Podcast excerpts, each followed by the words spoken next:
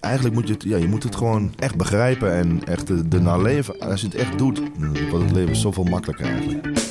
Dit is de AZ University podcast. Topsportbegeleider Bart Heuving en ik als host, Sven zetten het raam open en gaan over allerlei onderwerpen in gesprek met experts en ervaringsdeskundigen.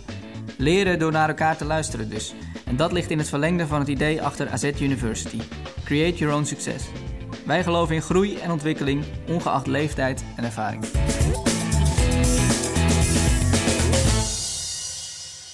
Te gast op het Avals Trainingscomplex, de man die in zijn rijke carrière niet alleen in Twente, Arnhem en Rotterdam kiepte, maar ook in Engeland, Spanje, Italië en Zuid-Afrika. Met deze zesvoudige Oranje International gaan we het hebben over het omgaan met cultuurverschillen. Van harte welkom in AZ University Podcast 18, Sander Westerveld. Goedemorgen. Goedemorgen en uh, kom eens Ja, muy bien. En toe? Ja, bien, bien. Uh, jij spreekt een aardig woordje over de grens. Ja, je zei eigenlijk in het Italiaans. Ik had in het Italiaans moeten terugpraten. Uh, nou ja, ik denk, jij spreekt zowel Spaans als Italiaans. Ja, maar goed. ik denk, ik was een beetje aan het uh, show-off. Nee, ja, ik, we ik, dat wijselijk mijn mond, hè, want ik ben niet zo goed in een andere taal. Nee? Ik moet dat nog leren. Oké. Maar, maar Sander, spreek je nog een beetje de, de talen in de, van de landen waar je ja. bijvoorbeeld hebt? Ja, Italiaans praat, praat ik uh, wat minder. Ik heb uh, heel veel Spaanse vrienden nog. En ik kom heel veel, heel veel in Spanje. Ja. En daar heb ik ook het langst gevoetbald, zes jaar. En ik wilde nooit in uh, Italië eigenlijk. ik had altijd een beetje moeite mee, omdat het heel erg op elkaar leek. Mm. Heb ik nooit echt de moeite gedaan om echt heel erg goed Italiaans te praten, want ik haalde alles door elkaar. Dus op een gegeven moment ging mijn Spaans achteruit. En ik dacht, ja, Spaans heb ik iets meer aan en dat wil ik juist goed houden. Dus ik kon heel goed over de wedstrijd praten na de wedstrijd en uh, buitenspel en dat soort dingen. Maar als ik in de tuin stond en ik moest de tuinman uitleggen waar de emmer uh, lag, dan uh, wist ik het niet meer. Maar, dus ja, ik, ik versta het allemaal wel in het Italiaans en praten gaat wat lastiger. Maar... Ja, Oké, okay. nou straks iets meer over uh, taalbarrières nog. Nou, ik, ik, als, het, als het mag als Sven, en normaal doen we eerst de introductie, maar zou ik hierbij wel willen aansluiten. Want hè, de kennis wordt ook doorgegeven. Want ik vergeet nooit meer, wij speelden met de Youth League tegen Villarreal. En er was een penalty. Vorig seizoen, ja. En vorig seizoen was dat, ja. En uh, jouw zoon, Sam, die uh, begint vlak voordat hij gast die penalty moet nemen... in het Spaans tegen die Villarreal-gast te praten. Waardoor die echt zo een soort van schrok van... wat is dit nou? Maar het klopte natuurlijk ook wat hij zei. En dat was echt wel een dingetje. Nou, we weten natuurlijk nooit of het daardoor komt dat we toen gewonnen hebben. Maar ja, het zal ongetwijfeld bijgedragen hebben... en de kans hebben vergroot. Want je zag die gast wel kijken. Dus we zullen maar niet herhalen wat hij gezegd heeft. Het zal niet de beste ding. Ik, ik, weet, ik weet het overigens niet wat hij zei, maar... Is, nee. Nou ja, nee, maar Sam zei wel van... Hij, hij, hij, keek echt heel verbaasd in ja. Dus ja, het kan best zijn dat het uh, meegedragen heeft van... Uh, nou ja, daarom. Dus, dat dus, hij miste, ja. Zo zie je maar weer dat de carrière van Zander... of via die weg ook ons bij AZ via Sam weer ver vooruit hielp. het, zijn toch, zijn toch de kleine dingen, de butterfly effect. Ja, heel belangrijk. Ja, ja oké. Nou, zoals ze zegt, straks nog meer over taalbarrières. En de man die we zojuist horen inbreken, dat is natuurlijk Bart Heuving... Ja, vaste sidekick in deze, in deze podcast. Hoofdtopsportbegeleiding bij AZ vooral ook. Uh, Bart, voor de vierde keer hebben we nu aan tafel hier een Oranje International. Werd het weer tijd? Ja, kijk, ik ben toch zelf ook echt Oranje fan. Dus dan uh, stiekem probeer je die toch het meest uh, te halen. Dus, dus het, is de vierde, maar zeker niet de laatste. Um, nee, de hoofdreden eigenlijk dit keer voor Sander was niet omdat we aan het zoeken waren naar internationals. Maar ooit ja, is Sam dus bij ons komen voetballen. Uh, nou, ooit in Hilversum uh, bij jullie thuis geweest. Hè. Ik met volgens mij de toenmalige studiebegeleider nog. En ook gevraagd of, uh, of Sam kwam. Nou, dat zat ook bij de internationale school. Dus er moesten wat dingen geregeld worden. Maar uiteindelijk kwam die. Um, ja, en wat ik nooit meer vergeet is dat op een gegeven moment was er een oude bijeenkomst. We doen per team twee oude bijeenkomsten per jaar over topsportthema's. En die keer zat achterin Sander Westerveld samen met Ruud Gillet. Nou ja, toch aardig wat interlands bij elkaar. En ja, niet dat je dan een ander verhaal gaat doen, maar ja, dan denk je toch, oei, even. Dus, dus nee, toen uh, nou ja, in de oude bijeenkomst en los van dat je contact hebt met de speler, heb je vaak ook naast de oude, bijeenkomst ook contact. En op een gegeven moment uh, dacht ik van ja, eigenlijk wel heel leuk om Sander te vragen hier over cultuurverschillen.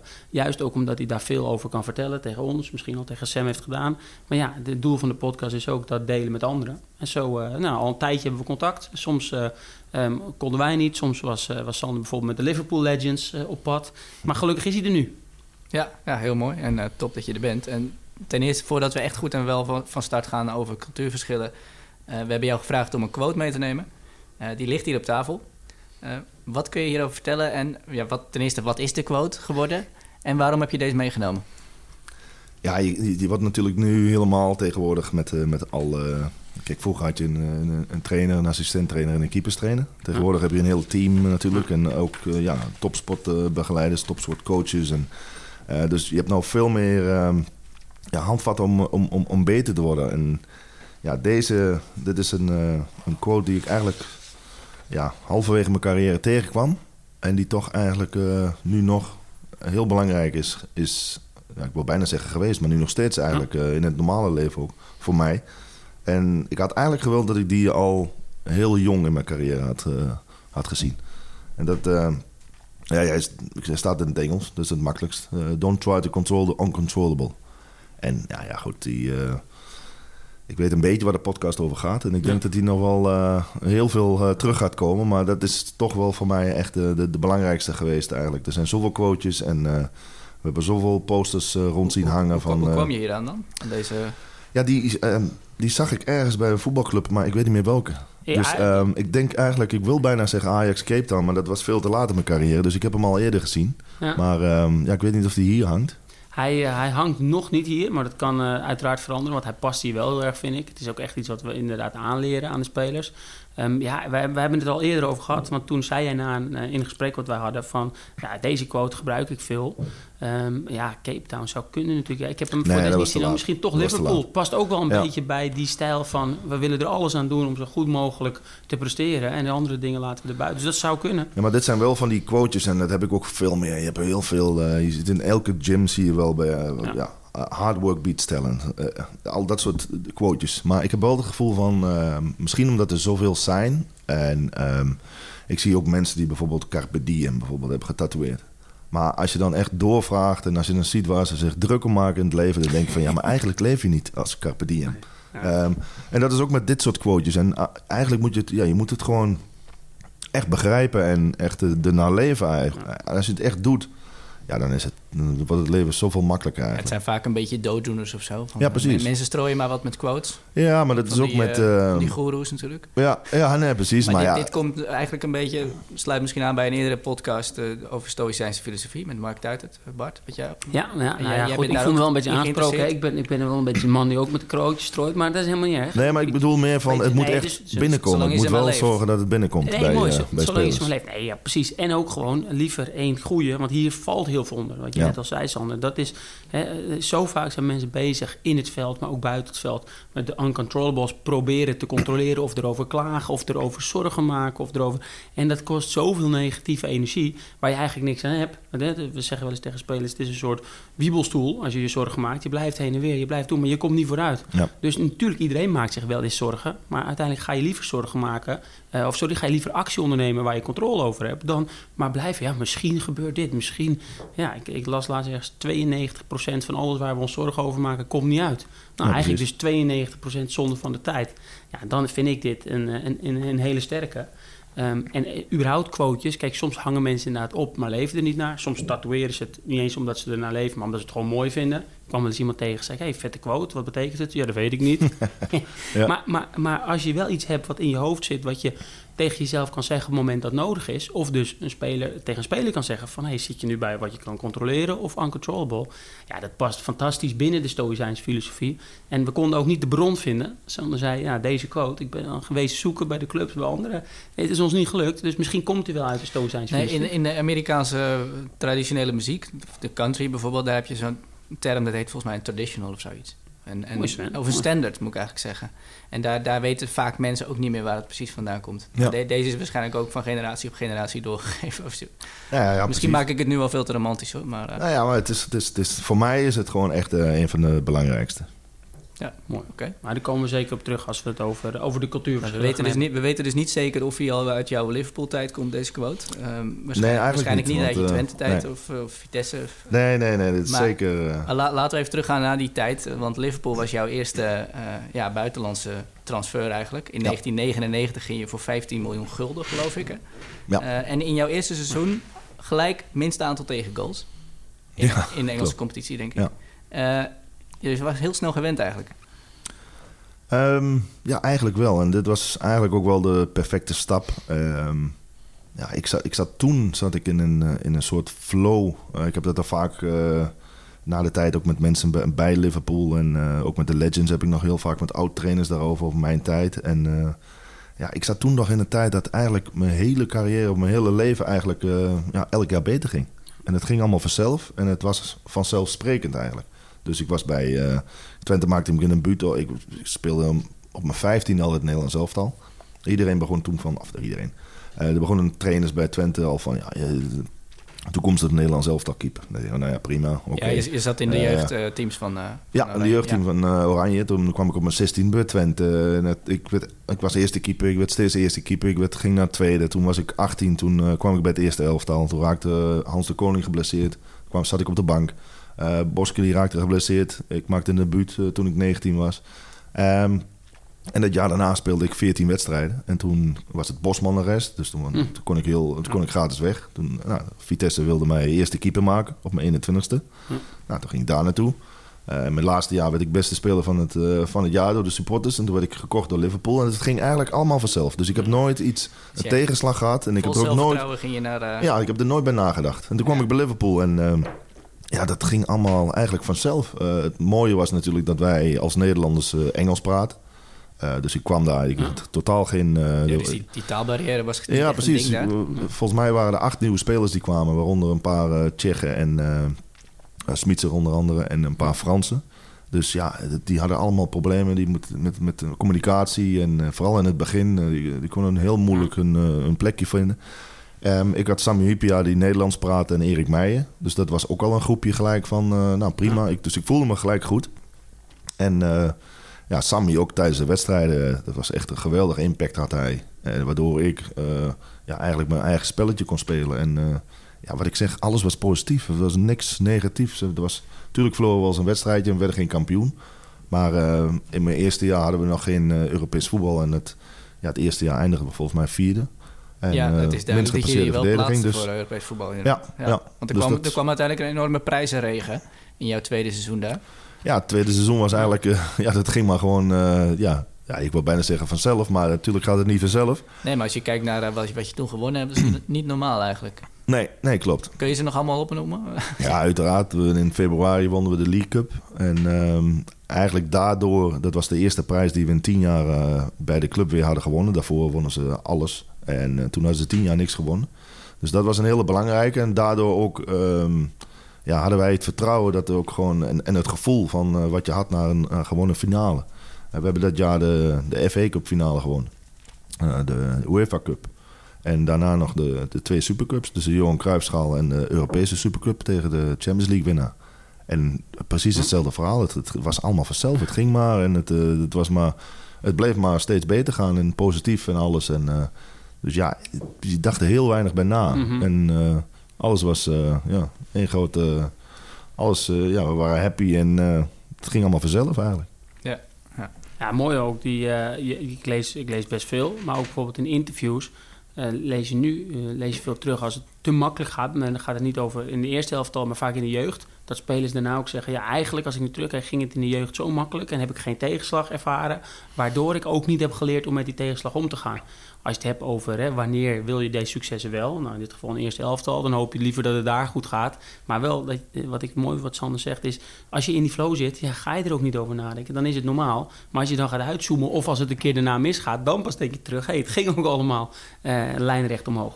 Ja, dat klopt. En ik, heb ook, ik zie heel veel interviews, las ik toen, van, uh, van jongens die problemen hebben met de voorzitters, presidenten, met de trainers. Toen dacht ik allemaal van ja, Kijk, als jij gewoon je best doet en je speelt gewoon goed, dan gaat alles toch vanzelf. Dat was echt ook mijn... wel weer uh, mooi het coach, hè? Ja. Ook wel weer mooi het coach. Ja, maar die, had ik toen nog niet, want dat oh. weet ik nog wel. Want dat, uh, dat, was ook het, uh, dat was ook het tweede... Of dat was eigenlijk het... Ja, daarom dacht ik, of hoopte ik eigenlijk... dat ik dat al eerder in mijn carrière had, ja. had ontmoet. Maar toch, Sander, ook om, voor mezelf even... Maar misschien had je het coach nog niet. Maar wat je nu zegt, past, vind ik wel echt bij het coachen. Namelijk, je zag dus medespelers die al bezig waren met dit, met dit, met dit. Terwijl je zelf dacht, hoe je net ook mooi zegt, ja, maar ja, ik focus me gewoon hier en hier op. En dan, dus misschien had je het ja, niet, maar al wel iets. Dat wel, maar het was allemaal ook misschien omdat ik die ervaring niet had dat het allemaal tegen zat. Want op het moment dat het tegen zat, dan? bij Liverpool toen, aan het einde van mijn carrière bij. Liverpool, toen was het ook echt, uh, ah, dat was ja, bijna stoppen met voetbal. Zo erg was het. Ja. ja, toen heb ik echt een tik gehad. Want je wint alles bijna. En vervolgens gaat het minder. Dan ja. je eruit na, na, geloof één fout. Ja, nou ja, goed, kijk, iedereen maakt foutjes. En daarvoor uh, ja, maakte ik ook in het seizoen wel foutjes. Alleen, uh, ja, mensen passeerden de verdediging in het eerste jaar en vijf prijzen. Terwijl je alle wedstrijden speelde. Ik speelde 61 van de 63 wedstrijden dat jaar. En ik was altijd nummer één. Ik heb 103 wedstrijden gespeeld, achter elkaar bijna. En uh, het ging in principe allemaal positief. En um, toen kwam de trainer naar me toe in de voorbereiding. Die zei, we halen er een keeper bij. Alleen weet je nog niet of het een jonge keeper is voor de toekomst. Of eentje die met jou een beetje kan concurreren. Ja. Nou, toen kwam er een nieuws dat ze Dudek wilden. Toen dacht ik van, nou, Dudek, oké. Nou, dat wordt een uh, aardige kluif. Alleen ja, dat ging, uh, op de laatste dag van de transfer uh, deadline ging, ging wat mis met de medische keuring van, van Dudek. Dus die, die konden ze niet meer afronden. Toen hebben ze Kirkland, een jonge keeper, gehaald om vier uur s middags. Toen zat ik in het trainingskamp in het Nederlands elftal. En ik weet nog dat spelers van het Nederlands elftal zeiden van... Nou, je ziet wel, hebt een beetje zorgen lopen te maken. Je blijft gewoon eerst de keeper, jonge keeper voor de toekomst, klaar. Alleen ehm, nou, Feyenoord had dat probleem met Dudek dat jaar daarvoor gehad. En toen zou hij naar Arsenal gaan en dat ging op het laatste moment niet door. Dus die zeiden van nee, we hebben gewoon een overeenkomst met jullie, met Liverpool. Ik heb die fax ook gezien, dat ze zeiden van nee, nee, uh, hij is gewoon voor jullie. Je moet hem nemen, anders dan gaan we... Dus toen moesten alsnog, uh, ook Dudek, s'avonds om 8 uur op de laatste dag van de transfer deadline, 31 augustus hebben ze Dudek gekocht. Dus twee keepers voor 30 miljoen. Ja, en toen was ik uh, klaar. Dag daarna zat ik op het kantoortje bij de trainer. En toen zei hij tegen mij van je maakt veel fout. En toen, zag, van welke. zag je de hele wereld om je heen. Uh... Ja, toen vroeg ik welke. En toen noemde hij er drie op. Uh, Eén tegen Chelsea, de verloren met 3-0. Uh, maakte ik een fout bij de 2-0. In uh, doelpunt tegen Middlesbrough. En, en die Bolton-wedstrijd die ik ja, eigenlijk 85, wedstrijd, of 85 minuten goed speel. En, maar ja. dat trok je heel slecht dus? Dat je toen nou, ja, op dat moment was het zo onterecht, vond ik. En ik snapte het helemaal niet. En dat was echt mijn eerste tegenslag. En dat was zo erg dat ik echt gewoon wel ja, ik ben toen, uh, zes maanden heb ik, ben ik niet eens bij de selectie geweest. Ik heb meegetraind, ik heb van mijn beste kans mhm. laten zien. En uh, ja, daardoor heb ik op dit moment ook nog een goede band met Liverpool. En uh, word ik nog veel gevraagd. Omdat ik daar gewoon, ik mhm. denk van, nou ja, ik, het enige wat ik kan doen is gewoon hard blijven trainen. En ik zie wel. Maar ik mocht niet eens meer mee met de Champions League bijvoorbeeld, die wij hadden gehaald. Ja. want ja, dan zou dan te veel, de Persie zouden dan te veel mee bezig zijn, zei de trainer. En dus ik was op, ja, vanaf nummer 1 was ik nummer 4. Ja, dat trok ik echt heel slecht. Toen, heb ik, ik naar Spanje gegaan, maar dat heeft daarna ook nog wel in Spanje zes maanden doorge... Ja. ja, want dan kom je weer in een heel andere wereld. Ja. Over cultuurverschillen gesproken. Ja. Uh, andere taal natuurlijk. Ja, ik, ik tekende toen, uh, dat was ook wel grappig, want uh, John Tosjak die was bij de wedstrijd van Bolton mijn laatste wedstrijd voor Liverpool waar ik die fout maakte. En hij heeft mij op basis van die wedstrijd heeft hij mij uh, eigenlijk aangetrokken. Hij vond die fout zo mooi dat hij dacht, deze keeper moeten we hebben. Ja, ja, nee, hij vond die 85 minuten daarvoor voor mij zeggen, uh, zo overtuigend. Op ja, die, op die ja, precies. En dat is ook weer een mooi, uh, misschien hoe mensen naar voetbal kijken. En ja, ja dus hij vond, hij zocht een keeper en in die 85 minuten zei hij van dit is, dit is mijn keeper. Dit is een keeper die ik nodig heb. En toen ging ik dus naar Spanje. Ja, en dat was wel een lastige. Ja. Uh, ik kwam ook in een elftal die uh, dat onderaan stond. Dus het was, alles was uh, een beetje negatief. Het was Spaans. Dus, ja, het over Real Sociedad. Real Sociedad, ja. ja. En ehm, dat was ook meer een vlucht. Ik moest bij Liverpool gewoon weg. Ik moest spelen. Moest, en ik zat bij het Nederlands elftal, dus ik moest gewoon een club hebben. En toen dacht ik van, nou ja, weet je wat? Ik wilde altijd naar Spanje. Um, alleen niet zo, niet zo snel. Ik had iets langer in Engeland willen spelen. Maar um, ja, toen kwam ik bij Real Sociedad en toen dacht ik van dan ga ik een jaar spelen en laat ik zien wat ik kan. En dan uh, ga ik misschien weer een stapje hoger op die ladder. Ja. ja. Maar en dat jij, was uh, lastig. Had het, lastig zeg je, maar had je dan ook te maken met van je moet toch weer ergens anders gaan wonen? Uh, andere cultuur natuurlijk in Spanje. Ja, het was alles bij elkaar. Ik kreeg voor het eerst ook... Uh, kijk, ze hadden een Baskische keepers altijd. En ze hadden een Baskische keeper. En uh, de helft van, van de fans die snapte niet waarom ze een andere keeper haalden. Um, ik kwam daar van Liverpool. Ik denk, oh, Liverpool. Dus mensen hadden een verwachtingspatroon. Ja. en ik kreeg in de eerste paar wedstrijden niks te doen. We wonnen mijn eerste wedstrijd met debuut met 6-0 thuis. Ik kreeg een bal op het doel en ik praatte geen Spaans. En ik was ja, een keeper die toch heel veel met communicatie bezig was. Ik was heel veel aan het regelen en... Um, ja, dat, ja, dat kon niet. Dus je kon op bepaalde momenten zat je. Ja, het was toch. Ik moest direct moest ik, uh, moest ik spelen. Uh, dus ik werd in december gehaald en gelijk een week. We hebben geen winterstop in Spanje, dus ik ging gelijk up, het, veld op. En um, ja, wat ik al zeg, het was negatief. De, de, resultaten waren er niet. Ik, kon, ik had het gevoel tijdens de wedstrijd dat ik echt mezelf moest laten zien. Dus ik ging anders spelen dan normaal. Moest bewijzen in plaats van ik kan focussen op um, ontwikkelen met alle Ik denk, ik ga allemaal laten zien wat ik kan. Ik ging zo ver mogelijk schieten naar de andere kant, naar de andere keeper toe. Ik ging uitgooien en uh, ik ging dingen doen. En ik kwam uit op ballen waar je eigenlijk niet op uit hoeft te komen. En ik zat de hele tijd te wachten van de schieters, schieters, kom eens man, ik wil een redding maken. En was gefrustreerd tijdens de wedstrijd. En dus die eerste zes maanden, dat, dat was ook niet echt... Uh, nou, het ging niet slecht, maar het was ook niet echt, uh, echt top. Hoe ben je daar overheen gekomen dan Voor, voor, voor we overheen komen, sorry, goede vraag. Maar ik wil nog één keer inhaken op, je gaf aan hè, Liverpool, zelfs op een gegeven moment dat je dacht ik ga stoppen. Nou, dat ziet vaak de buitenwereld niet. Deels omdat je er dan natuurlijk niet uit, maar ook omdat het misschien nog toen niet zo duidelijk in je hoofd was, zoals hoe duidelijk je het nu zegt. Maar dit is precies het aspect wat veel mensen vergeten, wat profvoetballers hebben. Hebben allemaal dit soort problemen. En, en er staat er ook nog media op, is je familie afhankelijk. Wij zien vaak, wij, hè, de, van de buitenkant zie je... En profvoetbal, nou, wat zeurt hij nou? Hij heeft toch geld, hij doet toch iets leuks? En wat doen ze nou moeilijk? Maar dat, dus Sander nu aangeeft na al dat succes, terwijl je hier zit, terwijl het slecht gaat, dat je denkt aan stoppen. Misschien dat ook wel iets van die mindset, van ik denk aan stoppen. Nou, als ik dan daarin ga, dan moet ik me bewijzen en de taal. Ja, al die dingen bij elkaar, ja, dat, dat, dat, dat is nogal wat. En, en dat wordt heel vaak vergeten. Er wordt gedacht, nou, we hebben een keeper voor zoveel geld gehaald voor Liverpool en dan gaat het niet. Maar precies wat hij net ook zegt, als jij de eerst denkt, ja, ik ga misschien stoppen, dat je nee, ik blijf. Ja, dan moet ik nu bewijzen. Kijk, af en toe je willen bewijzen is niet erg. Maar als jij de hele dag denkt, ik moet me bewijzen, dat levert stress op. Zie jij dat, ook gebeuren, Bart? Hierbij zet bijvoorbeeld, er worden natuurlijk ook spelers gehaald. Um, ik, nou niet allemaal eigen opleiding. Ik, ik, ik, ik uh, nou, wat ik zie, uh, en dat is vergelijkbaar. Het is niet per se dat ze willen stoppen, maar wel dat willen bewijzen. Of na een blessure of als je gehaald wordt. En te graag willen bewijzen. Terwijl je veel beter kan focussen op je ontwikkeling. Daar heb je controle over. Willen bewijzen ben je afhankelijk van of die bal komt. En van meerdere dingen. Maar ook dat stukje taalbarrière. Uh, waar uh, wat Sander zegt bij Liverpool, ja, wij als Nederlanders zijn gewend veel Engels te praten, maar dan kom je daar in Spanje. Ja, die taalbarrière, ook dat zie je hier natuurlijk ook. Ik had die aanpassingsproblemen, had ik. Maar ik had ook nog dat, dat Liverpool-gevoel voor mij. Ja. Ik wist het Spaanse, ja, ja kijk, de, de, pers zit er ook op. Dus ik wist gewoon van, uh, ja, ik wil zo goed uh, spelen om te laten zien bij Liverpool dat ze, dat ze fout hebben gemaakt. Van, hé, hey, waarom hebben... Dus dat was ook nog, ook dat, nog die druk. druk. Nee, dat was nog, nee, dat was zeker de verkeerde drijfveer. En uh, wat ik al zei, tijdens de wedstrijd had ik al het gevoel van, ik wil me laten zien. En dan ook nog van, ik wil laten zien dat ik... dus dat, het was allemaal, allemaal te veel. allemaal te, en ja. Ja, ja. Met de eerste zes maanden. Je mag weer... Nou, ik vroeg me af, hoe, hoe, hoe, heb je uiteindelijk na die zes maanden dan uh, ja, dan ga ik, ellende overwonnen? Ja, heb dan zijn we toch... Heb je gewoon uh, heel hard Spaans geleerd? Of, ik weet niet hoe lang uh, we al bezig zijn, maar dan denk ik toch dat ik, dat ik deze quote in, in San Sebastian heb ah, okay, ja, tegengekomen. Ja. ja. En, uh, want, dan, dan want, in het Baskisch? Of, uh... Nou ja, goed, misschien ook thuis. Uh, in ieder geval in mijn tijd bij, bij San Sebastian en bij Real Sociedad. Want misschien dat ik in Nederland in de vakantie... Want tijdens de vakantie, ja, dan...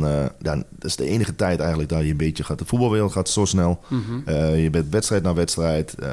je wint een wedstrijd, je wint van Real Madrid bijvoorbeeld. Maar je kunt er niet van genieten, want je moet dan gelijk alweer tegen Valladolid. Twee dagen, drie dagen daarna.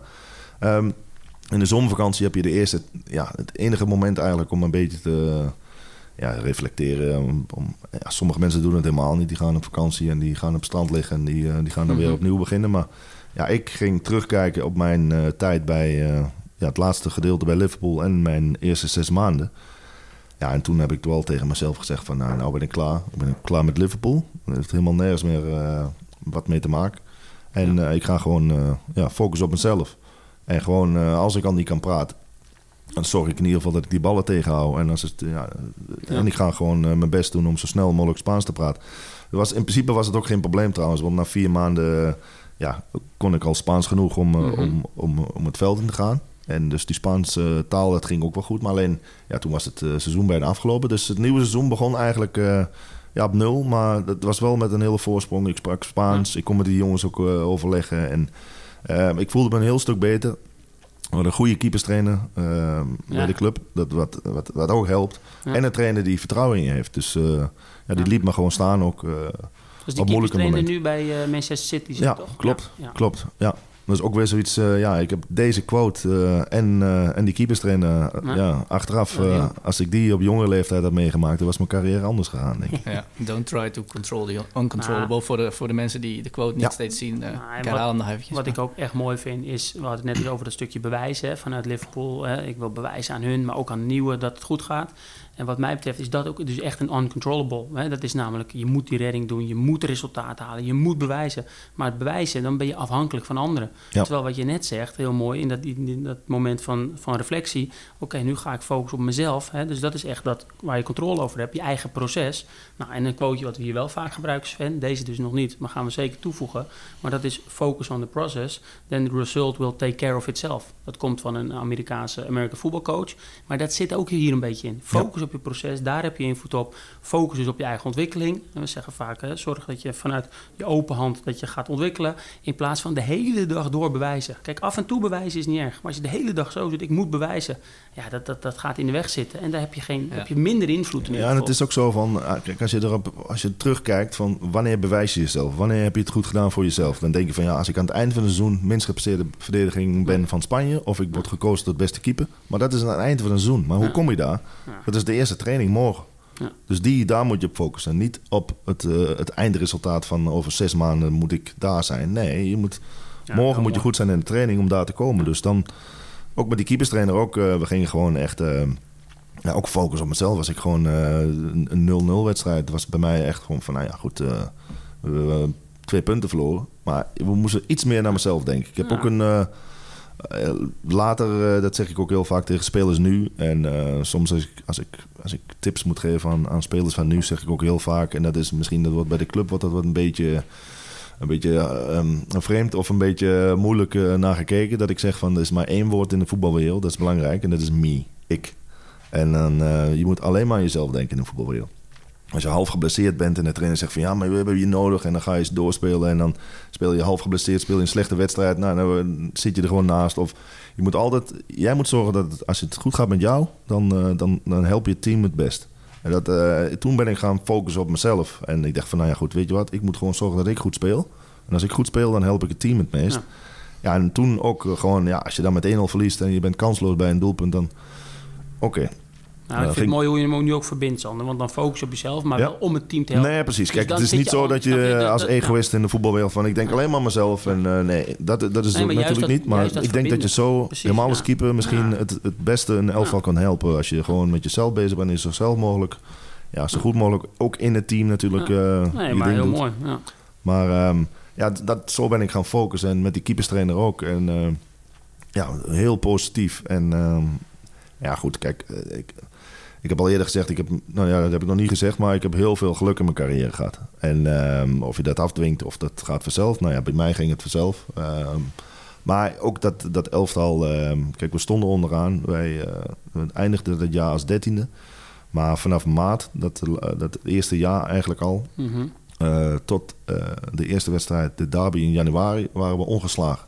Dus we eindigden top, ongeslagen. En we gingen het nieuwe seizoen in. We hadden twee nieuwe spelers erbij, uh, Kovacevic en, uh, en Nihat. Uh, en dat waren echt de, de, de missing link. Toen ja. hadden ze een balans in het elftal. Dus toen ging het eigenlijk vanaf we stonden na vijf, uh, vijf speeldagen stonden we bovenaan in Spanje. Ja. ja en toen dan krijg je zo'n andere vibe. Alles hier lopen op straat. Ja. Mensen zijn positief in plaats van negatief. Van oh, boh, boh. Uh, de, de, vlaggen die hangen uit op balkons, die had ik nog nooit gezien. Mensen lopen met shirtjes over straat. Um, ik vind het mooiste aan mijn carrière, maar dan zijn we misschien al bijna aan het einde van mijn Spaanse carrière, dat, uh, dat er een, een, een, quote is bedacht eigenlijk. Een, ja. een columnist in Spanje, die, of in Baskenland, die voor de krant een column maakte elke week, die, die bedacht het Nunca Mañana. Dus ik weet niet hoeveel Spaans je praat. Ja, Sven, nu krijg je hem Nunca mañana. Nunca mañana.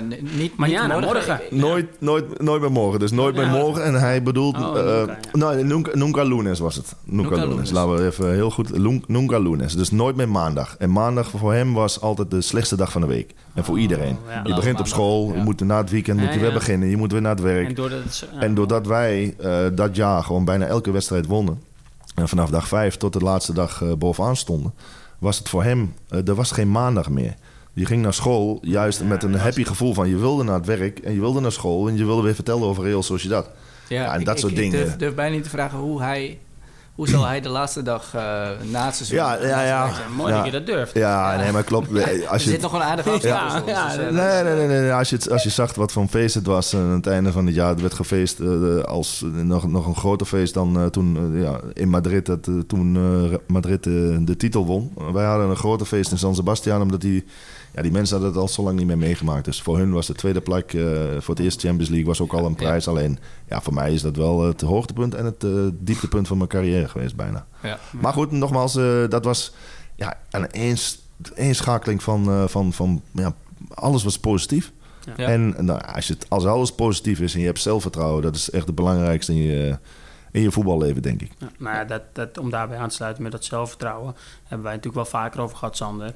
Um, en, en dat werd soms ook, als je, als je heel goed aan je eigen zelfvertrouwen werkt, aan je mentale uh, vaardigheden, dan helaas zien andere mensen niet wat je er allemaal voor doet. Wat word je dan genoemd? Hoe word je dan gelabeld? Arrogant. Ja. Terwijl, uh, ja, wij hebben het erover gehad, jij ook wel eens zei tegen mij, ja, ik ga vaak het veld op en dan denk ik, ik ben de beste. Ja. Maar ja, dat is juist jezelf, je zei ook wel tegen mij, ja, dat is een beetje jezelf voor de gek houden. Nou, ik vind dat heel mooi, want als jou dat op dat moment helpt, moet je het vooral doen. Muhammad Ali zei wel eens: Ik ga de wedstrijd in alsof ik de beste ben. Ik train alsof ik de slechtste ben. Beide houdt hij zichzelf voor de gek. Hè? Nou, op het eind van zijn carrière overigens niet. Hè? Was hij ook echt de beste in de ring. Maar dat deed hij al heel vroeg. Van, hey, dus je wedstrijd ingaan, dan wil je zelfvertrouwen hebben. Maar je wil niet de training ingaan, ik ben de beste. Want dan ga je misschien lopen versloffen. Dus hij hield zichzelf een beetje voor de gek. Maar het hielp hem enorm.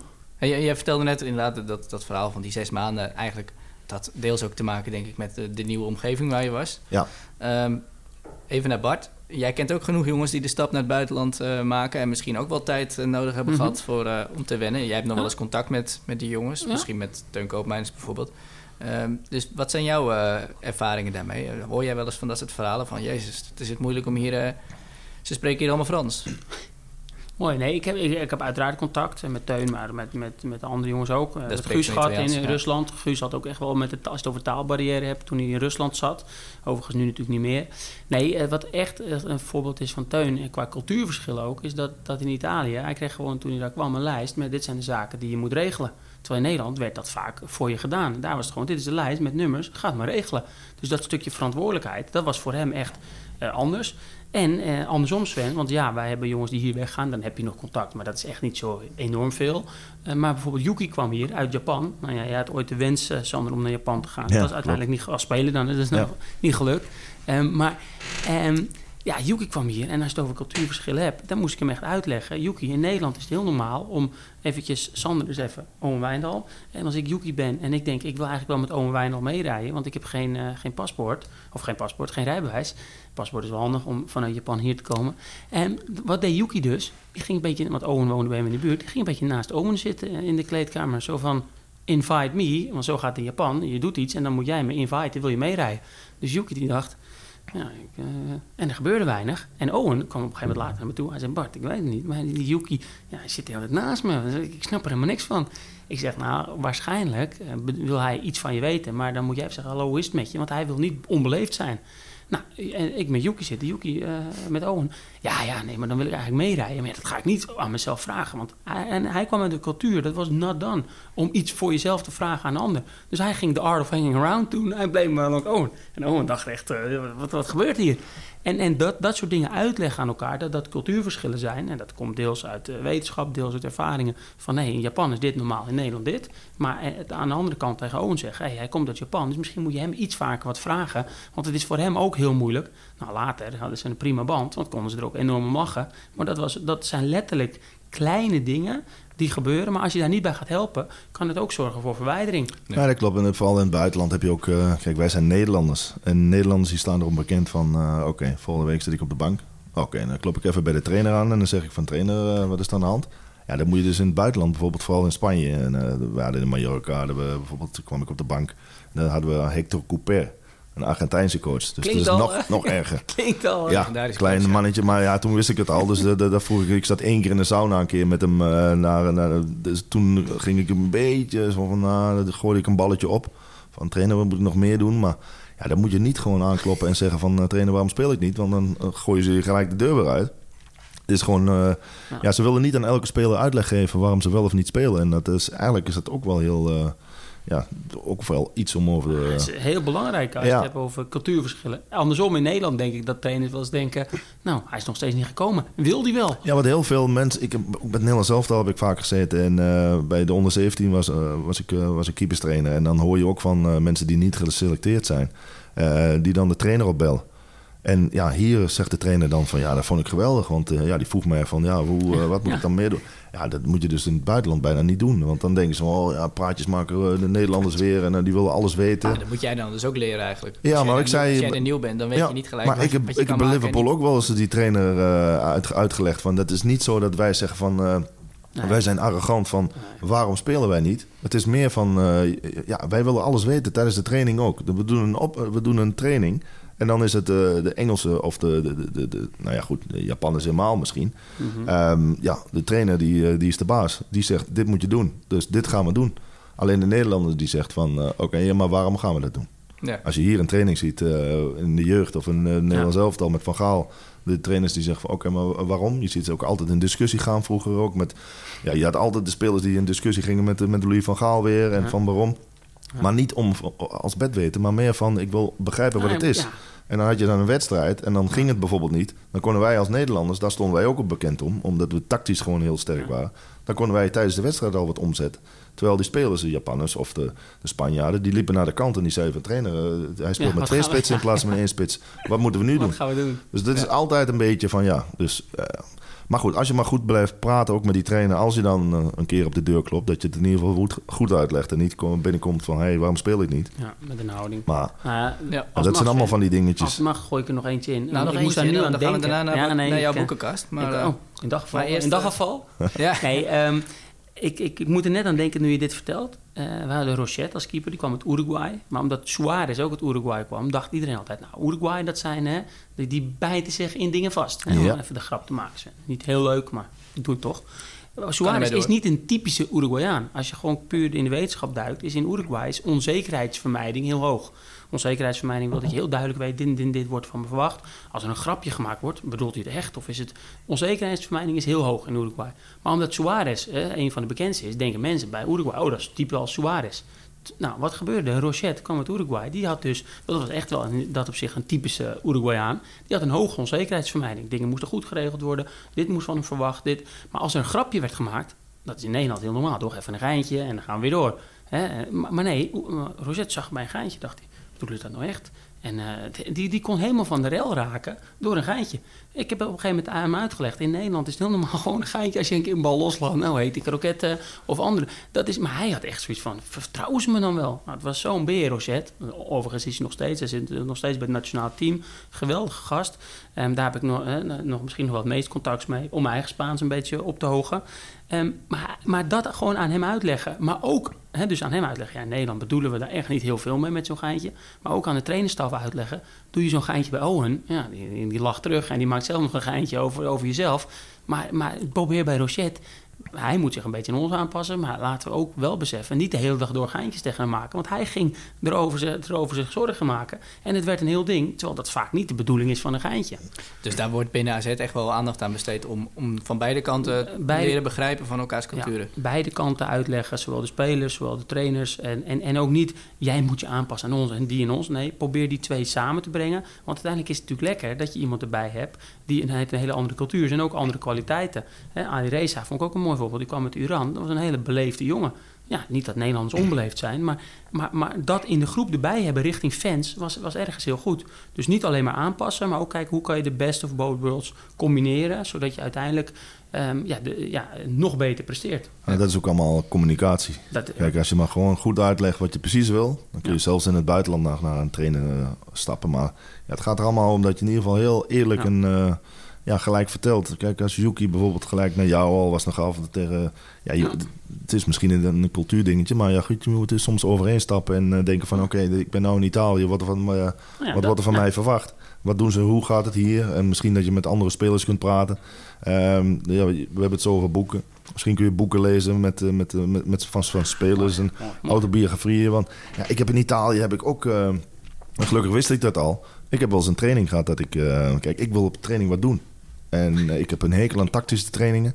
Uh, ik heb ook niet zo heel veel verstand van tactiek. Ik wil gewoon die ballen vangen. Zelfs met keeperstraining ook. Ik ben helemaal niet van die kleurtjes en geel en blauw en dan een bal. Nee, schiet maar gewoon een bal en ik, ik hou hem tegen me. Ja, we hebben in Italië hadden wij uh, eh, 45 minuten lang 11 tegen 0. En dan moesten we beginnen bij, uh, bij mij. Dus ik had ik had wel de keuze om hem uit te gooien naar de 16. Of hem op de 5 meter en dan uit te schieten naar de, naar de centrale verdediger. Maar dat was mijn taak, 45 minuten lang. Dus ik gaf de bal. Ze speelden hem 20 keer rond. Ze, ze schoot hem of naast of zelf naast. Ehm, maar ja, en dan moesten we weer beginnen bij mij. Ja, en dan 45 minuten lang dat ik echt dacht van... nou, wat is dit, jongen? Ik heb helemaal een eindloop van het veld af. Ik heb helemaal niks gedaan. Ik, heb, uh, ik weet nou al welke het is trouwens. Dan klopt je even aan bij, een, uh, bij Clarence? Of, uh... ja, het was wel de club van Clarence. De club, maar, de club ja. van Clarence Seedorf toen ja, inderdaad. Nee, maar dat was wel... Nou, dat is misschien wel een goeie. Want ja, ik heb ook heel veel met, met, met, met Clarence gesproken toen. Hij was toen de, ja, de eigenaar van de club. En hij haalde mij aan het einde van mijn carrière naar die club. En ja, ik heb hem wel gewoon heel veel... Nou, niet discussies, maar gesprekken met hem gehad voor de tijd van ja, hoe gaat het hier? En Mhm. wat wordt er van mij verwacht? En uh, wat is het verschil? En dat soort dingen. En dat is zo belangrijk als je dan een speler hebt die het heeft meegemaakt. Want wat je zegt, ja, overal is het anders. Dus dat uh, kun voetbalhumor daar. Dat je is, iedereen uh, aanraden ook. Nee, dat, dat is zeker eentje. Ja. En ehm, wat ik al eerder zei, ik, ik weet nou wat de, de quote was die ik in, eh, in Zuid-Afrika heb. eh, Oh, kijk nou. Ja, en die heb ik bij het. Nederlands zelf ook gebruikt. En die is een beetje, heeft hij er ook een beetje te maken, maar dat is fish. F-I-S-H. Dus ik weet niet of dit een... eh, Is dit een quote of een uh, ja, vertaling? het is een uh, allebei. Want ik mooi. weet niet of het een X-rated podcast wordt, maar fish betekent fuck it, shit happens. Oké, ja, daar, daar moeten flinke bliepjes over Ja, moet er een bliep in? Ja, ja, nou, nee, maar ik ben die al te blip laat. Ik had hier op knopjes moeten Ja. drukken. Dus, uh, Maar dat heeft er een beetje mee te maken. En Ja, dat, dat mooi. kwam toen ook gewoon van alles wat er in de wedstrijd bijvoorbeeld gebeurt. Als het gebeurd is, is het klaar. En uh, dat heeft ook met don't try to control the Ja. control. Je loopt het veld af, je hebt een wedstrijd, je hebt een fout gemaakt. Ja, uh, je, je kunt daar niet een week Ja. in hangen dat je die fout hebt gemaakt. Uh, je moet weer verder, dus je kunt het allemaal... Dus Ja, ik, ik, vind hem, ik vind hem heel mooi. we hebben bij het En, eh, Nederlands elftal onder 17 hebben we op een gegeven moment hebben we van die banners gemaakt voor het, uh, waar voor je, je EK. keeperstrainer was inderdaad. Ja. Ja, en toen uh, er stonden Ja. allemaal van die, van die woordjes op van... uh, ja, de, allemaal, die jongens die mochten zelf allemaal woorden op die Ja, zetten. En ja, ja onderaan uh, hadden ze een klein visje gemaakt. Want ik had een keer uh, dat dit verhaal verteld. en hadden ze een klein visje. Want dan zeiden ze trainer, kijk, dat is de vis. Van, Oh, uh, ja, ja. Dus ja, dat zijn ook Heel gewoon die dingen dat je die Ja. meemaakt in je carrière. Soms dan kun je het gewoon niet... uh, ja, nou goed, het gebeurt. Alleen ja, het is nou klaar. Je moet verder. Dus shit happens. We moeten echt uh, hard aan de boeken, want we, we, de tijd tikt, uh, tikt vrolijk door. Parts boekenkast. Ja, Sander, jij hebt een, uh, een boek meegenomen. Wel, welke is dat? Ik heb in mijn hele carrière altijd heel veel boeken gelezen. En dat begon bij, uh, bij, bij romannetjes en, en seriemoordenaars, waar gebeurde verhalen en dat soort dingen. En op een gegeven moment kwam ik uh, bij het boek van uh, Het Engeltje van uh, Hans van Breukelen. Dat was in mijn tijd dan de keeper van het Nederlands elftal, een tijdje geleden. En um, ja, dat boek, uh, dat heeft mij eigenlijk... Daarmee ben ik begonnen met de autobiografieën van sporters. Dat, toen dacht ik in één keer van, ja, maar dit is Nederlands elftal keeper. PSV had de Europa Cup gewonnen. Dus dit is eigenlijk een beetje het level waar je naartoe wil. En uh, dus ik wil niet zeggen dat dat mijn idool was, maar het was Nee, wel iemand wel waar ik tegenop keek. En als je zag uh, ja, hoe hij er, uh, wat hij ervoor deed en hoe dat ging in zijn leven. Het was echt een autobiografie. En ja, dat was zo interessant om te lezen. Dat ik dacht van, ah, dat zijn allemaal tips en allemaal dingen van, oh, die krijg ik nog ook nog, die moet ik meemaken in mijn carrière en dit ga ik nog meemaken. En het was vergelijkbaar van, wauw, in zijn jeugd, oh, dat had ik precies hetzelfde. En dus dat was zo, um, ik vond het zo geweldig om dat boek van hem te lezen. En dat heeft mij echt op het, uh, het spoor gebracht van alle, alle, ja, ik probeer zoveel mogelijk autobiografie uh, te lezen. En ik vind dat denk ik het, uh, ja, de beste tip voor een jonge voetballer. Als jij middenvelder bent en je hebt een boek van Modric of je hebt een, uh, een boek, ik weet niet of Haaland al een boek heeft, maar Ibrahimovic. Uh, Ibrahimovic zeker. Die is zeker. En uh, dat is misschien een extreem geval, maar als je ziet hoe hij bijvoorbeeld met. Daar staan ook gewoon de problemen in. Ja. Kijk, als ik een boek zou schrijven.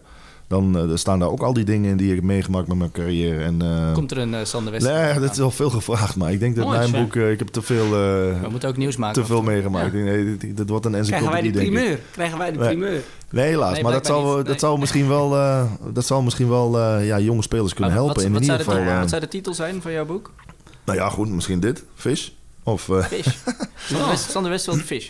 Mooi. Ja, Ja. nee, maar als je dit soort dingen al leest, als je 15 Ja, bent en je nee, zit ja. bij eh, AZ bijvoorbeeld en je begint net en je hebt allemaal dit soort dingen nu al eh, waar je aan vast kunt. En al die problemen die je nog krijgt, als je daarbij nadenkt van, oh, wacht even. Ja, nee, dat- ja, dus Ehm, ja, al die tegenslagen die ik je zou, krijgt. Hem, ik zou hem lezen, Sander. Dus, Ja, dus nee, je maar- hebt in ieder geval vast één lezer hier. Ja, maar precies, kijk, maar als je bijvoorbeeld een, een, een speler bent en je ziet eh, en je leest een boek eh, van, van Zidane of de, de- de beste voetballer van de wereld en er staat in dat hij op zijn bergkamp bijvoorbeeld heeft eh, bij Ajax eh, tot zijn eh, A-jeugd volgens mij altijd in de tweede elftal gevoetbald.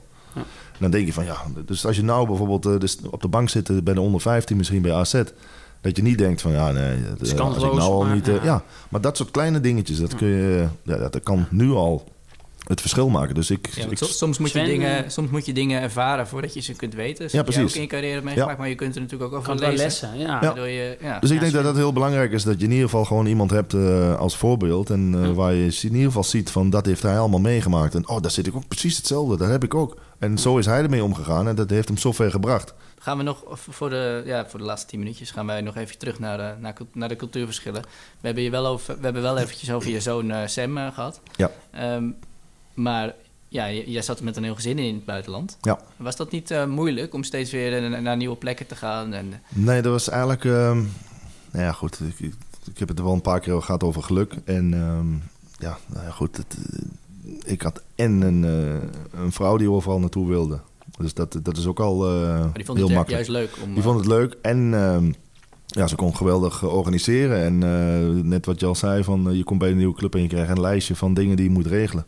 Eh, zij regelde al heel veel, eh, scholen en alles. En als je al niet bij de club, ik heb het ook, ook weer het geluk gehad dat ik bij, Liverpool bijvoorbeeld kwam je binnen. De eerste dag dan moest je op het kamertje komen van een teammanager.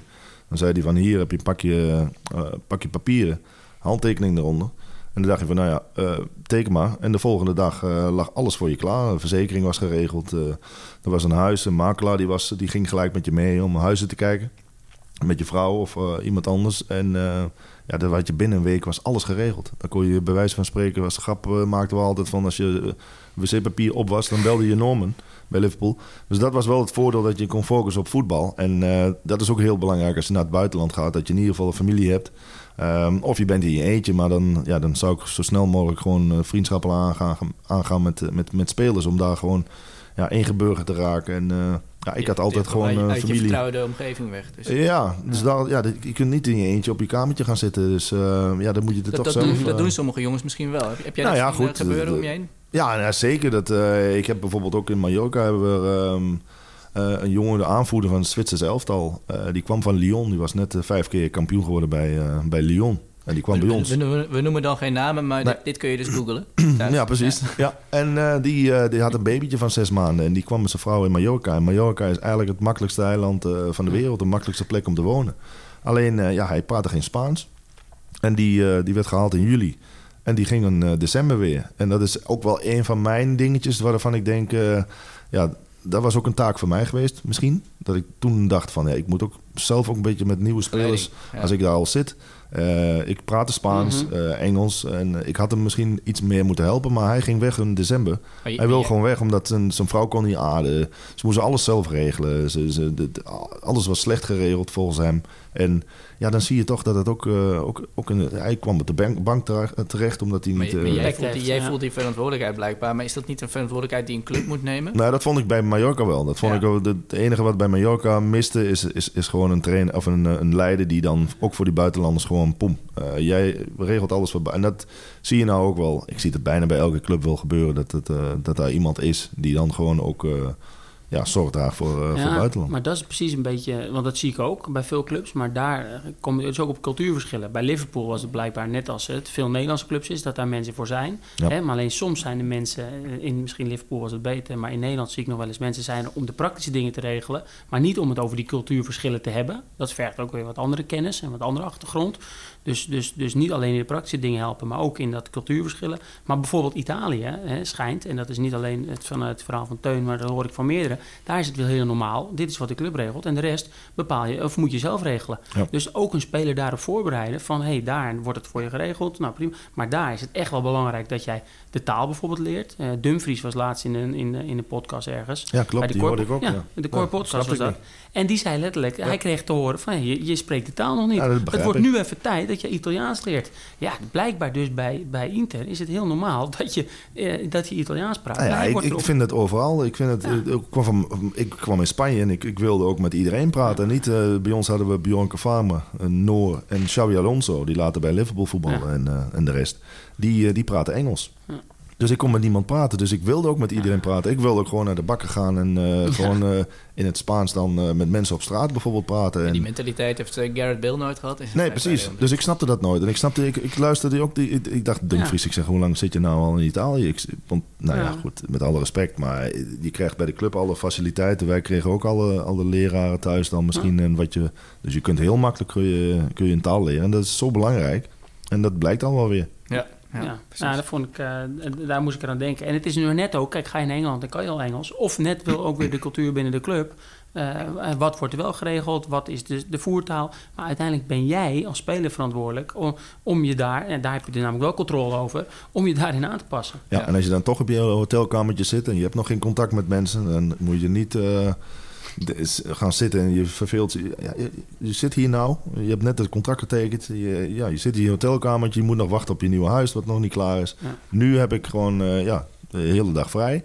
Ik heb niks te doen. Nou ja, goed. Uh, ja, je kunt het wel... Uh, don't try to control the uncontrollables. Maar nog steeds, kijk, dit, ja, als je het niet kan, dan uh, ga ik morgen wel uh, die vrienden regelen ja. bij de club. Of vandaag is dan oké okay, over en dan niet gaan uh, ja. je heimwee. Je belt even aan bij de buurman. Ja, precies. Ja, maar dit is, dit is mooi gezegd, Sander. Want dan zit je op die kamer. wil je je next level halen in je Playstation of Modern Warfare? Of wil je next level halen in je taalskills?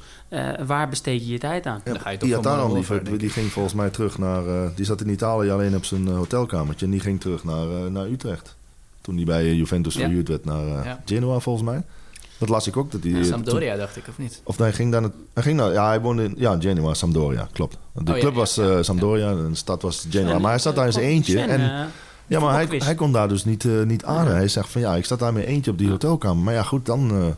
Ja, dat, is, dat is ook voetbal in het buitenland. En dat is heel belangrijk dat je dat voor de tijd weet. Van, hé, hey, ik ga nou naar Spanje. Ik heb geen familie bij me. Dus ik zit daar met eentje. Ja, je kunt of je hele familie meenemen zoals Drenthe bijvoorbeeld deed. Of je moet daar gaan zitten en dan voorbereiden van... ik zit er met eentje in een hotel. Ik moet zo snel mogelijk een hotel Tuurlijk. of een, een huis regelen. Of ik moet ik probeer in ieder geval met die spelers wat, uh, ja, En zelf gaan proberen wat te doen. En dit doet mij denken aan Levi Garcia. Die kwam uit Trinidad en Tobago. Als je het hebt over cultuurverschillen. Die kwam hier naartoe. En die zei op een gegeven moment tegen mij... Bart, hier ga je trainen. En dan gaat iedereen naar huis. Ik ben gewend vanuit Trinidad met je team. Na het trainen ga je met z'n allen eten. Je gaat dit, je gaat dit. Hij moest er heel erg aan wennen. Dat dat in Nederland was. Veel meer, nou, we hebben getraind. Ik ga nu uh, mijn eigen ding doen. Ja. dat was veel, veel bij, maar in, bij hem, waar hij vandaan kwam... Qua voetbal, maar ook gewoon qua, qua cultuur. Dat was allemaal samen. En, en, en uiteindelijk ook, nou, ga dan mensen zoeken die, hè, die dat wel hebben. Want die zijn er heus wel. Alleen het is niet het hele team. Dan moet, je, dan moet jij je best voor gaan doen. Nou, dat, is, dat is precies dit. Als hij toen had gedacht, nou, hier doen ze het niet. Maar hij had dat nodig. Ja, dan is hij verantwoordelijk om... Natuurlijk kunnen we erbij helpen. We kunnen zeggen, hey, ga eens met die zitten. Of hey, doen ze dit. Uh, maar, maar uiteindelijk, ja, daar, daar iemand op voorbereiden. En als het gebeurt, iemand in helpen en reflecteren. En hem wat tips geven. Ja, dat is essentieel om wat mij betreft die culturen wat bij elkaar te brengen. Want uiteindelijk leren wij er ook van. Een aantal spelers hier die daarin meegingen, die dachten... hé, hey, het is eigenlijk wel leuk om iets meer contact te hebben... dan alleen trainen, lunchen en weer weg. Ja, dat is ook een goede les voor de club, denk ik. Ik denk dat het ook vanuit de club zo belangrijk is. En daarom zie je ook heel vaak in de voorbereiding... dat uh, de trainers tegen jongens zeggen van... Uh, oké, jullie hebben een avond vrij. Uh, ga maar uit. En we hebben het niet over helemaal een stuk in de kraag zuipen, weet ik veel wat allemaal. Maar dat heb je misschien in Engeland wel zien gebeuren. Nou, maar... Zo. Ja, nee, maar dat zijn ook allemaal... We hebben een teambuilding dingetje in, in Engeland gehad. Ja. Teambuilding in Nederland is het dan... Uh, dan ga je uh, bijvoorbeeld uh, over kooltjes lopen... en dan ga je allemaal dingen doen... en dan ga je paintballen. Ja. Engeland was het gewoon één uur in de pub... en dan okay. ging om zes uur weer naar huis... en dan waren ze helemaal... rolden ze naar huis. Maar dat was teambuilding. Over, en, over de je nu zegt, Sven. Ik moest, ja, dat is het probleem. Als je veel boeken leest, dan wil je ook, dat wil je ook delen. En dan moet ik zelf af en toe opletten. Maar Um, Arsène Wenger beschrijft in zijn biografie, die heet Mijn Verhaal, zegt hij dat hij toen hij bij Arsenal kwam, herkende hij dit. Maar hij had al een jaar in Japan trainer geweest. Nou, in Japan was het keurig netjes, we gaan dit en dit doen. Toen is hij allemaal dingen uit die cultuur gaan halen. Namelijk een voedingsschema legde hij op neer. Uh, hoe ga je professioneel worden? Nou, die gasten bij Arsenal, schrijft ook in zijn boek, die dachten allemaal, die is helemaal gek, die Arsène Wenger. Tot ze merkte, hey, hij voegt iets toe, dus uit die andere cultuur. Hé, hey, maar dit werkt, we gaan goed presteren. Ja, de Invincibles heette ze later. Nou, dat komt niet doordat hij die leefstijlcultuur uit Japan heeft gehaald. Het waren namelijk ook goede voetballers en er spelen meerdere dingen mee. Maar ongetwijfeld heeft dat wel de kansen van Arsenal vergroot. Want want hij dacht, ja, dit is de cultuur in Engeland. Maar ehm, als ik daar dat heb geleerd, kan ik die twee combineren en verbinden. En kan ik het misschien nog iets verbeteren. Wij hadden bij Real Sociedad in het eerste jaar Toshak. En die, uh, die, had, die stond er een bekend idee in uh, positiespel. Daarna gingen we afwerken op doel en we eindigen met een partij. En dan zei hij om half één middags van jongens opschieten, want ik heb op één uur tea time. Ik moet uh, afslaan bij golf. En toen kregen we daarna, hij werd ontslagen in maart. Toen kregen de technisch directeur, die nu technisch directeur is, werd de trainer. Toen ging het goed. Alleen in, uh, in juli uh, kwam Denouy. van Naand volgens mij. Hij was net kampioen geweest in, in, in, Frankrijk. En die kwam en die begon in één keer twee keer per dag te trainen. En bijna elke dag. En gewoon ook gewoon trainingen van 2,5 uur op het veld. Nou, dat, dat, was echt een cultuur. En dat, als je dan hebt over aanpassen. En het, het geluk was dat we vanaf ja, op een gegeven moment begonnen alle wedstrijden te winnen. Dus iedereen zag van hé. Hey, dat is net zoals wat Wenger, bijvoorbeeld het effect van Wenger. Dat was het effect van hem. Iedereen, uh, we zaten, wedstrijden waren zo fit. We hadden wedstrijden in de laatste 20 minuten beslisten we. En, en we bleven maar winnen. Ja, en iedereen ging erin mee. En ja, dan moest je, wij moesten zeggen ook, ja, oké, okay, we moeten gewoon trainen en uh, dit is het. En ja, dan kun je moeilijk gaan doen en zeggen van ja, maar dat heb ik nooit gedaan. En ja. nee, up, aanpassen. En, uh... Ik wil nog één ding aansnijden, want we hebben het dan over de praktijkvoorbeelden. Maar Bart, uh, wat zegt de wetenschap eigenlijk over cultuurverschillen? Want, want deze podcast, daar leggen we vaak toch de mhm. link tussen praktijk en wetenschap. Ja, um, nou, wat de hele wetenschap over zegt, weet ik niet. Maar ik snap uiteraard hè, waar, we, waar, um, waar u de vraag stelt. Um, uiteindelijk een van degenen die ik heel hoog heb zitten uh, qua wetenschap... en die het overigens ook wel praktisch toepast, dat is Fons Trompenaars. Fons Trompenaars, dat is iemand die heel veel met cultuurverschillen doet. Niet alleen, of eigenlijk bijna meer wereldwijd dan in Nederland. En, en ja, eigenlijk wat daar gezegd wordt uh, door hem... hij heeft er een heel model omheen, Riding the Waves of Culture. Dat is een heel vet boek wat hij geschreven heeft daarover. Ik raad ik echt iedereen aan, zowel trainer, coaches... maar ook, uh, nou, zeker ook wel spelers... als je de stap gaat maken bijvoorbeeld naar het buitenland ter voorbereiding... En, en, en eigenlijk wat hij zegt is: probeer je aan te passen aan de cultuur, maar verlies niet wat je zelf hebt. Nee, probeer die twee te verbinden. Want als je dat gaat verbinden, dan wordt het echt cultural diverse. En haal je de, um, in, zijn TED-talk, die zullen we even in de show notes mee, uh, meenemen, zegt hij op het eind: combine the opposites into a higher reality. Dan zegt hij, Japan bijvoorbeeld is heel erg beleefd. Nederland is heel erg direct. Het is niet, Japanners moeten ook direct worden... of, of Nederlanders moeten in Japan ook beleefd worden. Nee, doe en dus combine into high reality. En dan zegt hij, hou dus dat beleefde, maar leer wel af en toe even direct zijn. En, en, en eigenlijk klinkt dat heel simpel, maar vroeger ging de wetenschap veel meer voor Fons Trompenaar dit boek schreef en dat model, veel meer je bent dit of dit. En als je dit bent, dan moeten we zo behandelen. En als je dit bent, dan moeten we zo behandelen. Dus was het veel meer zo. En hij maakt dus het model eigenlijk meer zo. Hoe kan je combinen, zodat je de best of both worlds hebt. En ik denk dan terug, hè, om het even met voetbal dan toch te eindigen. Um, los van dat, dat ik wat dingen van hem heb geleerd en hier kan toepassen. Dat, dat um, Bayern München was het volgens mij, onder Joep Heinkens toen nog. Die wonnen de Champions League en dat hele team waren allemaal verschillende nationaliteiten. Ze hadden de creativiteit daar vandaan, ze hadden de, de Duitse mentaliteit, waar wij het ook wel eens over gehad hebben, hadden ze daar staan. Dat, dat team had volgens mij 11 of 12 nationaliteiten. Chelsea heeft het ook trouwens een jaar gehad. Maar dat werd zo goed, die cultuurverschillen werden goed bij elkaar. Dat werden geen kampen, die doen dit, die doen dit. Nee, we halen de best of both worlds. Ja, dan, dan kan cultuur diversiteit voor succes zorgen, zegt dus de wetenschap, maar ook de praktijk. Ja, maar dat wordt vaak natuurlijk als tegenstelling gezien. Van, uh, van, of als iets negatiefs. Dat, dat je heel veel nationaliteiten binnen het team hebt. Maar eigenlijk, kan dus ook een kans. als je spelers koopt, zoek je ook vaak naar verschillende types. Dus waarom zou cultuur daar niet een uh, onderdeel van Alleen als je dus niet kennis hebt over cultuurverschillen, dat zijn praktijkvoorbeelden, dat is wetenschap. Dan is het de valkuil. Dan is het de valkuil, maar dan is het wat doet hij nou? Wat is dit nou voor gozer? Maar ga je, heb je die kennis, dan kan het, en dat blijkt dus uit de wetenschap, juist zorgen voor betere prestaties. En niet alleen in de wetenschap, in de sport, maar ook in het bedrijfsleven. Ja, ja. oké, heel mooi. Nou, uh, ja, bedankt voor jouw verhaal uh, ten eerste, Sander, uh, hier in deze podcast. is er nog iets wat je de luisteraar wil meegeven? Want we hadden het nog over van alles en nog wat kunnen hebben. Ehm, wil je nog bijvoorbeeld zeggen dat Nederland wereldkampioen gaat worden in Qatar volgende maand? Of deze maand is het waarschijnlijk als hij uitkomt, deze podcast. Nee, ja, ik, ik, ik, kan honderd, uh, we kunnen uren doorpraten over dit soort dingen. En ik kan alle voorbeelden erbij halen. En uh, ja, ik hoop dat dat in ieder geval uh, ja, jonge spelers vooral en misschien ook ouders ook een beetje inzicht geeft in hoe het allemaal werkt en wat er allemaal belangrijk is. En, ja, jij weet, jij weet als geen ander zowel hoe het als jonge speler is, maar ook als ouder van een, ja van een top, jonge topsporter. Nee, klopt. Ja. Nee, ja, kijk, dat, die, die, als er nog één voorbeeldje mag noemen is uh, van, uh, ik zal ook geen namen noemen, maar uh, de, speler die, die, die, die, naar je toe komt en zegt van, de, de, trainer heeft nou echt de hele week al niks meer tegen mij gezegd. Hij is alleen maar negatief op de training. En mijn concurrent die, is, die, die prijst die, die hemel in en dat soort dingen. hij zegt, ik word er helemaal zenuwachtig van. En dat zijn wel echt van die dingen. Um, helemaal in de jeugd. Het zijn allemaal ze zijn aan het testen. Ze willen kijken hoe je omgaat met uh, verschillende omstandigheden en teleurstellingen. En, dus dat zijn allemaal... Ja, je moet gewoon... Ja, wat ik al zeg, uh, soms is het fish en soms is het don't try to control the uncontrollable. Uh, het enige waar jij op kunt focussen is de volgende training. En als de trainer al niks tegen je zegt, of je zit op de bank en je, je had verwacht dat je zou spelen. Het enige waar je focust, op moet focussen is gewoon als je dit, op de training je best doet. En je komt thuis en je denkt van ik heb alles gegeven. Ik heb alles, uh, mijn kansen in de wedstrijd bijvoorbeeld, heb ik, uh, ik heb alles gedaan. In ieder geval wat ik had kunnen doen. Ja, dan, dan maakt het je leven een heel stuk makkelijker. En dan is het ook makkelijker om om te gaan met teleurstelling als je niet speelt. En je moet gewoon in ieder geval voor jezelf zorgen dat de, de, voor, uh, de voorwaarden daar zijn. Dat jij gewoon er alles aan gedaan hebt. Ja. En het ergste woord in het in het voetballen is uh, ja, had maar en was maar en als, oh misschien als is ik dit. Uh, regrets is het, uh, het slechtste woord wat je kunt hebben. Dat je denkt van, oh, ik had eigenlijk op dat, dat moment dat ik iets anders moeten doen of ik had meer mijn best moeten doen of ja, dat, uh, geef geef spijt, dat je spijt, geen kans. Een hele, een hele mooie tip. En dan, dan beginnen we een beetje met de quote en eindigen we ermee. En, en wat ik dan nog wel interessant vind om daarbij aan te vullen, het verhaal van Sander. Je ziet ook heel vaak de andere kant. Dat een speler, hè, het gaat niet goed met de speler, een speler gaat klagen. En van huis uit wordt er gedacht, nou maar dat kan toch niet? Ik ga wel even naar de club bellen, want dit vind ik ja, niet... precies. Zaakwaarnemers en, en, en ouders die zeggen van, jij moet spelen, ja, het slaat nergens, jij bent het beste. Nou, dat, uh, moet, en, en, en dan vind ik dus, dit zo'n uh, mooi voorbeeld van, ja nee, wacht even, misschien proberen ze wel. Hoe heb je gereageerd? Try to control. Want wat je, net dus dan eindigen met de code andersom. Dus niet don't try to control the uncontrollable, wat de trainer, de club en ander doet. Maar hoe ga jij, waar je wel controle hebt, hoe ga jij ermee om?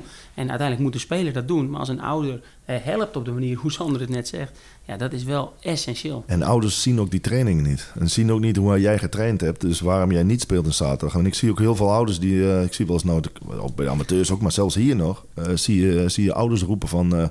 Hij zit druk, zit druk. Of uh, kom terug. Terwijl ik denk van ja, misschien moet hij helemaal niet uh, druk zijn. Dus, ja. ja, precies. Dus uh, ja, die ouders moeten zich eigenlijk gewoon zorgen dat ze heel positief blijven tegen spelers. En met alle dingen helpen. Maar ze moeten wel soms oppassen met dingen die ze, die ze spelers willen aangeven. Want ze hebben er vaak minder verstand van dan, dan de club. Mooie tip voor alle luisteraars met kinderen. Want dit geldt natuurlijk niet alleen voor voetbalouders. ja, zelfs ik, kijk, ik kan hem ook tips geven, maar ik ben heel weinig met hem bezig, omdat ik weet van hij zit goed bij AZ. wordt goed, ik zie niet wat hij op de trainingen doet.